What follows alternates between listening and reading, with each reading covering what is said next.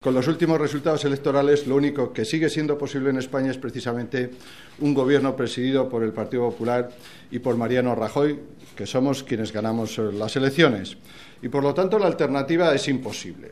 Esto que algunos pretenden del gobierno Frankenstein eh, no existe, no es posible. Sería desproporcionado y sería temerario fijar una fecha de investidura cuando no hay un acuerdo sobre cómo va a quedar y cómo se conforma un gobierno para precisamente hacer que esa investidura sea un procedimiento y un mecanismo legislativo exitoso.